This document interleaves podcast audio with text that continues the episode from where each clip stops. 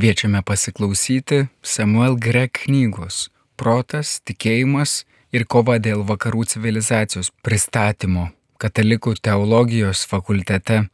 Diskusijoje dalyvavo Kauno arkivyskupas daktaras Kestutis Kievalas, knygos vertėjas Gediminas Žukas ir daktaras Vygantas Malinauskas.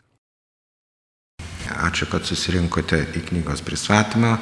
Kaip žinia, kardinolas buvęs Josefas Ratzingeris, vėlesnis popiežius Benediktas XVI, ypač domėjosi ir jam ypač rūpėjo proto ir tikėjimo santykio tema ir daugybėje įvairiausių pranešimų, straipsnių. Jis tą temą nuolatos gvildeno nuo jaunumės. Daug prisidėjo taip pat prie Jono Paulius antrojo enciklikos Fides Etracijo, kur būtent tas santykis plėtojimas ir taip toliau. Ir mane visą laiką laikė vienu iš, sakykime, dabar vakarų civilizacijos bėdų, būtent tai, kad krikščionybės ankstyvuoju periodu įvykęs tikėjimo ir proto sąsaja, sąjunga įvykusi, ilgainiui išyro ir, kaip sakykime, tai galbūt jisai ir traktavo kaip vieną iš vakarų civilizacijos bėdų ir sėkiu relativizmo, kuris vis dabar agresyviai reiškiasi gimimo priežasčių. Tai kodėl pradėjau nuo Ratzingerio ir Benedikto XVI, todėl kad būtent Samuelis Gregas savo knygoje plėtoja šitą temą ir tarsi giliau paplėtoja vat, būtent tos sąjungos tikėjimo ir proto iširimo padarinius. Kas nutiko, kokios atsirado ideologijos, kaip va, tos sąjungos iširimas paveikė vakarų civilizaciją ir jos irsmą. Na nu, ir autoris ten po to gale irgi galbūt mėgina pateikti kažkokius tai atsakymus, ką galbūt reikėtų daryti toliau. Noriu pasakyti, kad versti ir mūsų leidyklą išleisti šitą knygą paskatino ekscelencija Kauno arkiviskupas. Jisai buvo vienas iš tų varomųjų variklių, kuris, kaip sakoma, paprašė ir skatino išleisti tą knygą. Taigi, ekscelencija, dabar ir norėčiau paklausti jūsų, gal tartumėte keletą žodžių apie autorių ir kodėl būtent jūs mums pasirodė šitą knygą tokia aktuali. Buvote man davę savo angliškai variantą, ten mačiau pieštukų labai daug pribraukyta visokių dalykų, tai galbūt jūs ir pasidalinkite mintimis, kuo jūsų akimis šitą knygą yra aktuali.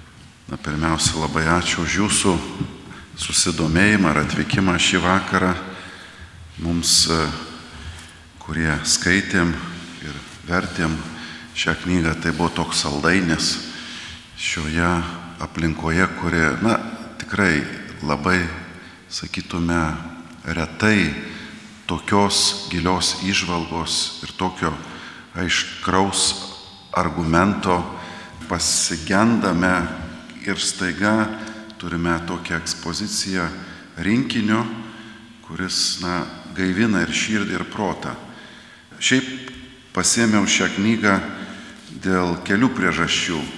Pirmiausia, tai mano daktarato darbo vadovas Samuel Grek, jisai vienas dabar žymiausių turbūt, na ir Amerikoje, ir pasaulyje tyrinėtojų religijos laisvės, ekonominės laisvės sąsajos.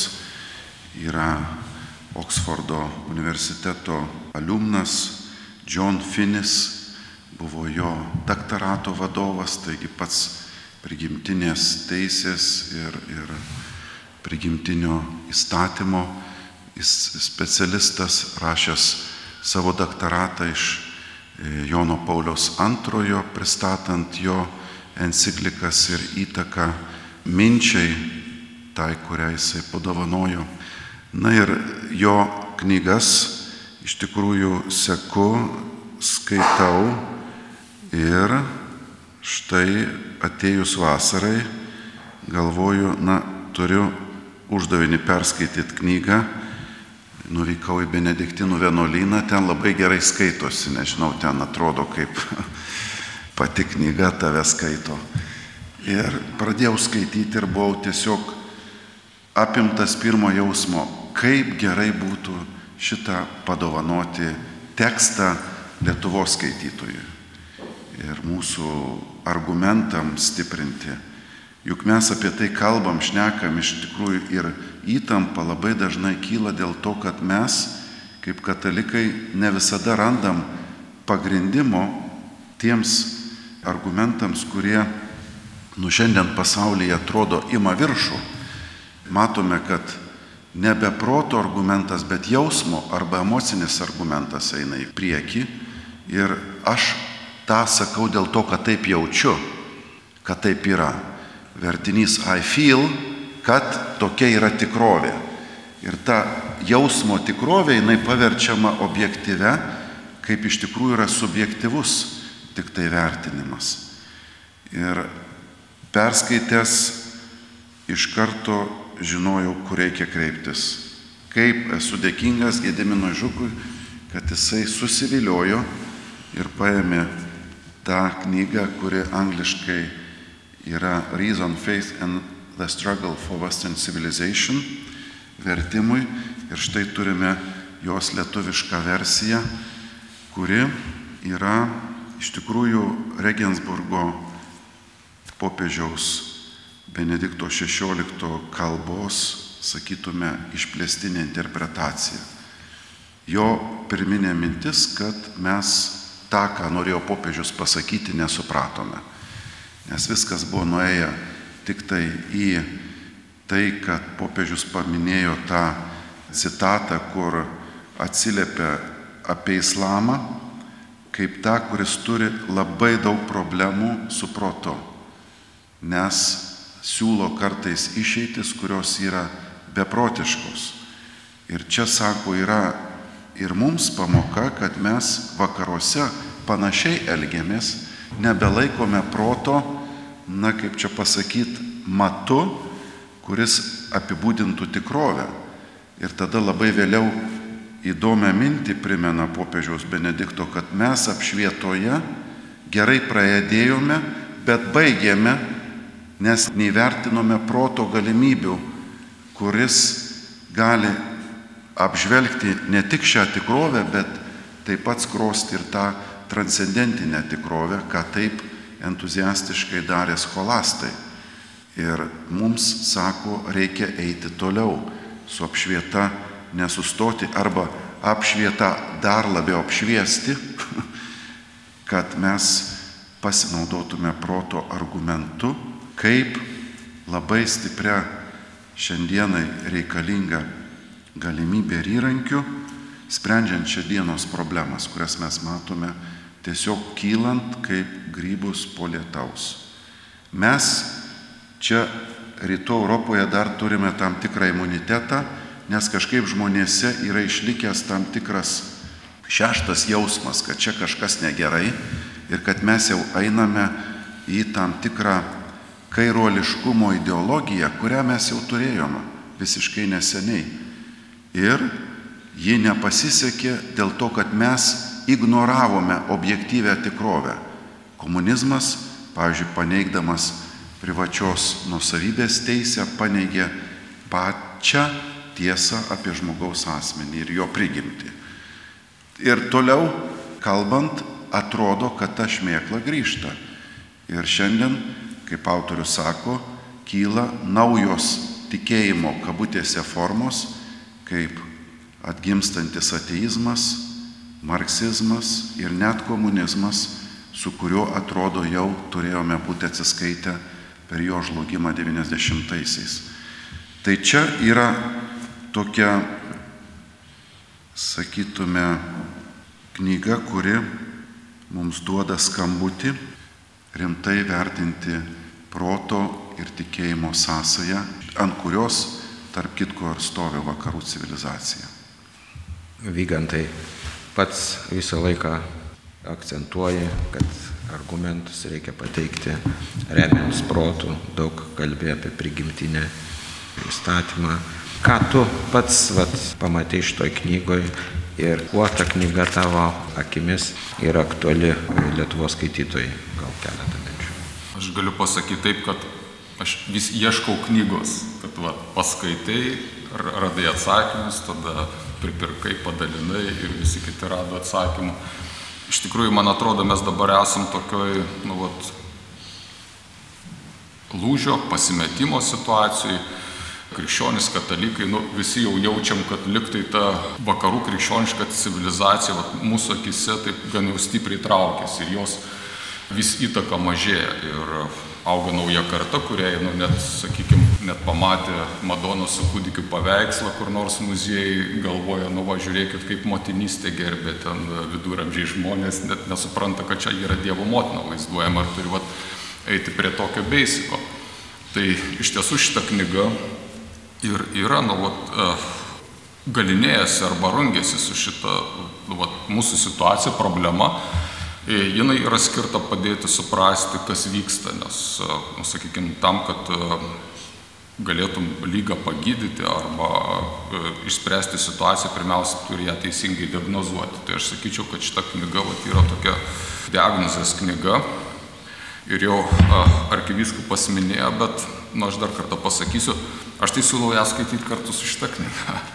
Nes tai yra knyga iš tikrųjų, ant kurios pastatyta yra šita knyga. Nu, čia, čia yra tikėjimas ir protas, čia iš tikrųjų popiežiaus Benedikto, kardinolo Ratzingerio tekstų rinkinys, kuriuos cituoja Samuelis Grėgas, cituoja savo knygų ir aš sakyčiau iliustruoja. Nu, galvoju, koks čia žodis tinkamas, nes jisai duoda daug pavyzdžių iš intelektualų minčių, išvalgų, pasisakymų, kurios, na, sakykime, išplėtoja tas, va, tą koncentratą, kurį gauni skaitydamas popiežių Benediktą. Abu jie čia iš tikrųjų tą perspektyvą pateikė, tai Benediktas, ne Samuelis Grėgas, bet, bet Samuelis Grėgas, kaip minėjau, jis, nu, va, parodo plotį, gilį, spalvingumą tos perspektyvos savo tekste, o ta perspektyva yra vėlgi minėta, kad nežinau, paradoksas tai ar ne paradoksas, bet mes iš tikrųjų atsidūrėm toj situacijoje arba mūsų civilizacija dabar ateina į labai panašią situaciją, kuri buvo krikščionybės atsiradimo metu. Vat Romos imperijai idėjos, požiūriai arba, sakykime, kažkokios srovės, kurios vyravo, jos buvo labai panašios į mūsų. Moralinė taip pat situacija buvo labai panaši į mūsų. Ir Samuelis Gregas irgi kiekvieną skyrių pradeda taiklė citata ir vienas iš skyrių prasideda istoriko Gibono citata apie tai, koks buvo požiūris į religiją antikos laikotarpiu tuo metu, kai atsirado krikščionybė. Paprasta liaudis visus tikėjimus, visas religijas laikė vienodai teisingais, intelektualai arba filosofai visas religijas laikė vienodai neteisingomis, o valdžia visas religijas, nu, galbūt išskyrus krikščionybę ir, ir judaizmą, laikė vienodai naudingomis. Ir kitaip tariant, buvo situacija, kai nu, apsišvietęs išsilavinęs žmogus, jisai, jam tas tikėjimas atrodė, tai yra ta, kažkokia tokių sapnų, svajonių, emocijų sritis, kur nuot paprasti žmonės, tai yra naudinga, gerai, kad žmonės laikosi tam tikrų, bet, bet apsišvietusiam intelektualiam žmogui atrodė tai yra per žemą. Kitaip tariant, religija atrodė tai, kas įžeidžia žmogaus intelektą. Nu va, ir su krikščionybės ateimu antika atranda tokį tikėjimą, tokią religiją, kuri nu, visiškai nėra įžeidžianti tavo intelekto priešingai. Tu pagaliau sutinki Dievą, kuris nu, yra toks Dievas, ką tu nieko geriau savo protų negalėtum sugalvoti. Ir, ir čia vat įvyksta tas arkiviskų paminėtas proto ir tikėjimo susitikimas ir susijungimas, kuris, kaip matom, yra be galo vaisingas kad ir ką visi kalbėtų apie tamsiuosius viduramžius, dėstydamas teologijos fakultete, vienas iš mano tikslų yra paneigti šitą mitą studentams. Iš tikrųjų, dėka viduramžių krikščioniškų mes tampam pačią pranašiausią civilizaciją, bet staiga įvyksta dalykas, kuris yra siejamas su apšvieta, kuri, na, nu, sakykime, vėl padaro tą perskirą ir atrodo ta perskira mūsų laikais vis labiau gilėja. Na va, ir, ir ta knyga iš esmės ir yra apie visus šitos procesus. Tai, sakykime, jinai tikrai vat, leidžia gerai susiorientuoti, kas vyksta. Paminėjai, kad, sakykime, knyga gerai reikia pirmą žinoti diagnozę. Ir man tas irgi krito į akį. Ir ne vienas skaitęs analitinį veikalą, visą laiką tenais jį perskaitus, visą laiką sakai, puikiai išanalizuota, puikus autoris ir taip toliau. Ir visą laiką gale kirba klausimas, ką daryti. Tai vad norėjau pastirauti, ar ką nors Gregas šitoje knygoje autorius ką nors siūlo, ką daryti, ką mums reikėtų daryti. Vygantas jau minėjo, kad vėl gyvename ankstyvosios krikščionybės aplinkoje, kur daug idėjų, viskas burbuliuoja, nebežinom už ko stverts ir taip toliau. Jūsų manimo ekscelencija, ką autorius siūlo ir kas jūsų akimis dabar, atsakykime, toj tokioj situacijoj galbūt darytina ir būtent ir ypač turint galvoje prieš akis teologijos fakultetą? Na, pirmiausia, tai jo turbūt kvietimas e, labai rimtai vertinti tikėjimą, kuris duoda protui sparnus.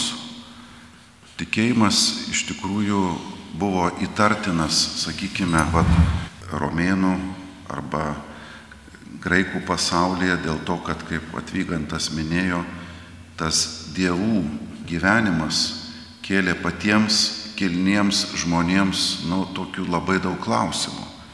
Kad jie su tom istorijom, mitologijoniam, tie dievai nėra tuo, kuo aš galbūt norėčiau sekti. Ir vis dėlto jie egzistuoja kaip kultūros dalis, tikėjimo ir tikėjimo nusiviliama kaip tuo, kuris mane neįkvepia. Ir štai judaizmas, ta žydų kultūrinė terpė padovanoja monoteizmą, kuris labai greitai pagavo graikų protus, kad štai čia yra ta tiesa, iš tikrųjų atliepia tai, ką mes galvojame apie Dievą kaip tokį. Ir staiga sukilnina ir romėnų, ir graikų kultūra, ir ta simbiozė tarp Jeruzalės, Atenų ir Romos yra vakarų civilizacijos, sakytume, laimėjimas. Šiandien mes matom panašią tendenciją - nusivylimas tikėjimu kaip mitologinę tikrovę. Reiškia, taip jūs turite šitus savo įsivaizdavimus, kur pasak Markso iš tikrųjų tai yra šitos tikrovės projekcija, tai jeigu jums geriau nuo to, tai jūs tikėkit. Ta prasme, šiaip žmogus, kuris yra apsišvietęs, įsilavinęs, tokių mitų neima savo gyvenimo pagrindu. Ir čia vėl sukasi ratas iš naujo, kad mes nuvertiname tikėjimą kaip tą kuris nieko galbūt šiandien negali pasiūlyti moderniam protui. Ir kvietimas knygos yra dėmesio ant šitos pasaulyje žiūros pastatyta vakarų civilizacija. Visi laimėjimai yra dėl to, kad buvo sukilnintas ir pats žmogus, ir jo protas. Ir dėl to turime mokslinius laimėjimus. Nes krikščionybė savo išvalgą įveikė mitologinį mąstymą. Va tie tamsieji viduramžiai, alchemija tampa chemijos mokslu. Kodėl? Dėl to, kad labai rimtai imamas protas. Ir jis čia neturi atskirties tarp tikėjimo ir proto, nėra tokios, sakytume, konfliktinės situacijos, kaip šiandien tarsi mums nori parodyti. Va tik prieš keletą savaičių buvom Torūniai, Kauno miestas yra bičiuliai su Torūnės miestu. Tas miestas yra žymus tuo, kad tenai dirbo ir gyveno Nikolo Kopernikas. Žmogus, kuris pasirodo buvo dvasininkas. Man buvo didelis atradimas. Kanauninkas.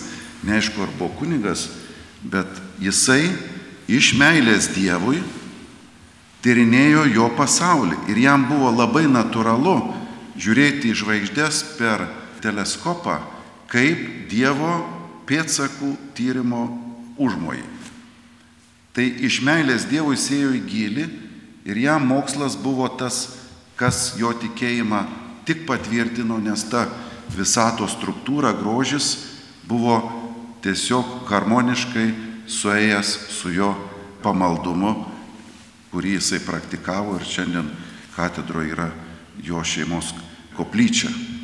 Tai mūsų šiandienos tikėjimo ir proto atskirtis yra nuostolis, kuris mus gražina į tą mitologinę tikrovę, kur praktiškai nustumėme religiją kaip ta, kuri atseit neturi racionalaus pagrindo, bet protas be religijos tampa pavojingu, nes žmogus pradeda, reiškia, daryti dalykus, kurie atsisuka prieš jį patį.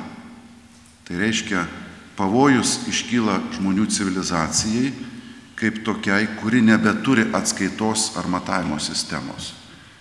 Ir čia pasiūlymas imti tikėjimą rimtai ir protą kilninti jo dėka, patį protą įgalinant būti daug stipresnė gale, negu mes šiandien jį suvokiam arba įsivaizduojame kaip nu tik tai apšvietos kontekste.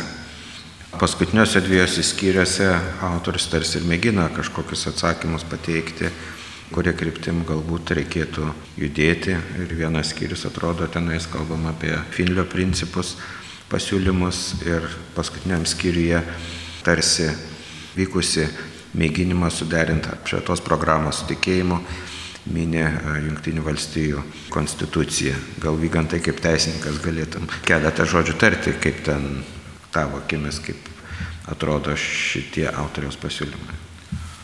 Nu, aš gediminai nežinau, ar čia yra pasiūlymai. Aš manau, kad yra labiau gal. Bet man toks įspūdis susidarė, kai aš baigiau knygą, tai pabaigėme Junktinių valstijų konstituciją.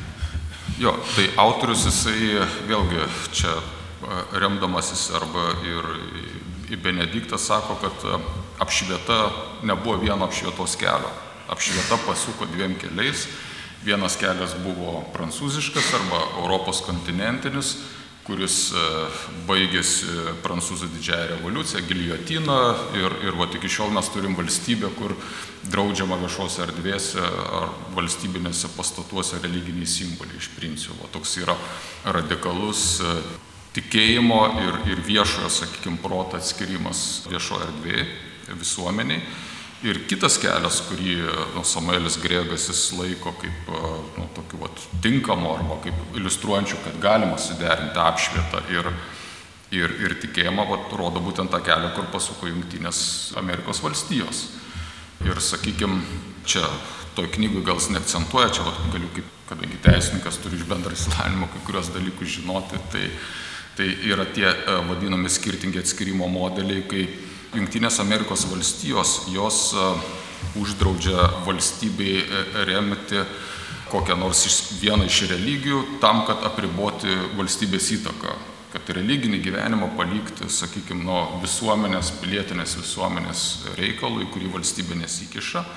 Tuo tarpu Prancūzijos atskirimo modelis yra paremtas tuo, kad religija turi būti kuo labiau išstumama iš viešo gyvenimo. Ir va, jeigu matom, sakykime, net ir dabar, nors jau pasaulis globalėja ir taip toliau, Amerikoje, nu, sakykime, prezidentas jis nemato jokio, sakykime, diskomforto ten, sakykime, dėti ranką ant Biblijos per priesaiką arba deklaruoti savo tikėjimą, nesvarbu, kad jis ten kaip Bidenas, jis e, aiškina, kad jis yra katalikas, nors ir tuo pačiu nesilaiko katalikų tikėjimo, bet vis tiek jiem atrodo tai natūralus dalykas. Prancūzijai, sakykime, to negali padaryti. Ir man atrodo, kad čia va ir yra. Samuelis Gregas nesiūlo kažkokio naujo atradimo, jis tiesiog mano, kad galima, nu, vėlgi, apvalius nuo visų tų nukrypimų ir taip toliau, tą amerikiečią modelį vat, kaip ir naudoti, kaip tą, kuris, sakykime, suderina religijos tikėjimo laisvę su nu, tais apšvietos deklaruotais principais, kuriuos nu, pats Samuelis Grėgas laiko kaip tinkamus ir vertingus. Tai, tai man atrodo, čia yra toksai autoriaus pasiūlymas. Pats iš tikrųjų nesu tikras, ar čia nediskutuotinas, bet, bet čia gal bus galima ir vėliau. Ir tuo pačiu aš vėl, čia Gediminas veda mūsų šitą pokalbį, bet aš Gediminai pasakysiu skaitydamas, man pačiam kaip tau kaip vertėjai kyla klausimų. E, verti protas. Kokį žodį vartoja Benediktas ir Samuelis Gregas? Intelektus, sciencija. Aš matai daugiau esu e, vokiečių kalbos specialistas ir šiaip tai Benediktas ir Ratzingeris vartoja žodį fernunf, tai yra protas. Vokiečių kalboje intelektas daugiau žodis verstand, tai to verstand taip va retai kada pasitaiko, siauresnė prasme, o šiaip tai Benediktas visą laiką vartoja fernunf dažniausiai. Šį čia buvo, atrodo, reason visur parašyta arba daugelį vietų. Reason, tai aš nežinau, kadangi vokiečių kalboje fernunf tai yra nedviprasmiškai protas, bet to va ten kanto, jeigu grino proto kritiką paskaitytam Ferštandų ir Fernum, tai yra tokia perskyra. Ferštant yra intelektas, Fernum tai yra protas. Tai čia aš taip pat verčiau tas visas, kur yra reason, verčiau kaip protą. Aš kodėl klausiu, čia vat skaitytojui, gal tas gali būti įdomu, nes iš esmės, nu, vat, proto ir tikėjimo perskyra, nu, tokia man atrodo, jinai iš principo neįmanoma net kasdieniai kalboje. Tu pradėdamas kalbėti apie kokius tikėjimo dalykus, kad ir kokį, va, sakykime, koks atsistoja atsinaujinimo dienoje ir kokį mokymą, nu, jis vis tiek kalba savokomis. Tos savokos turi tarpusavį loginius ryšius.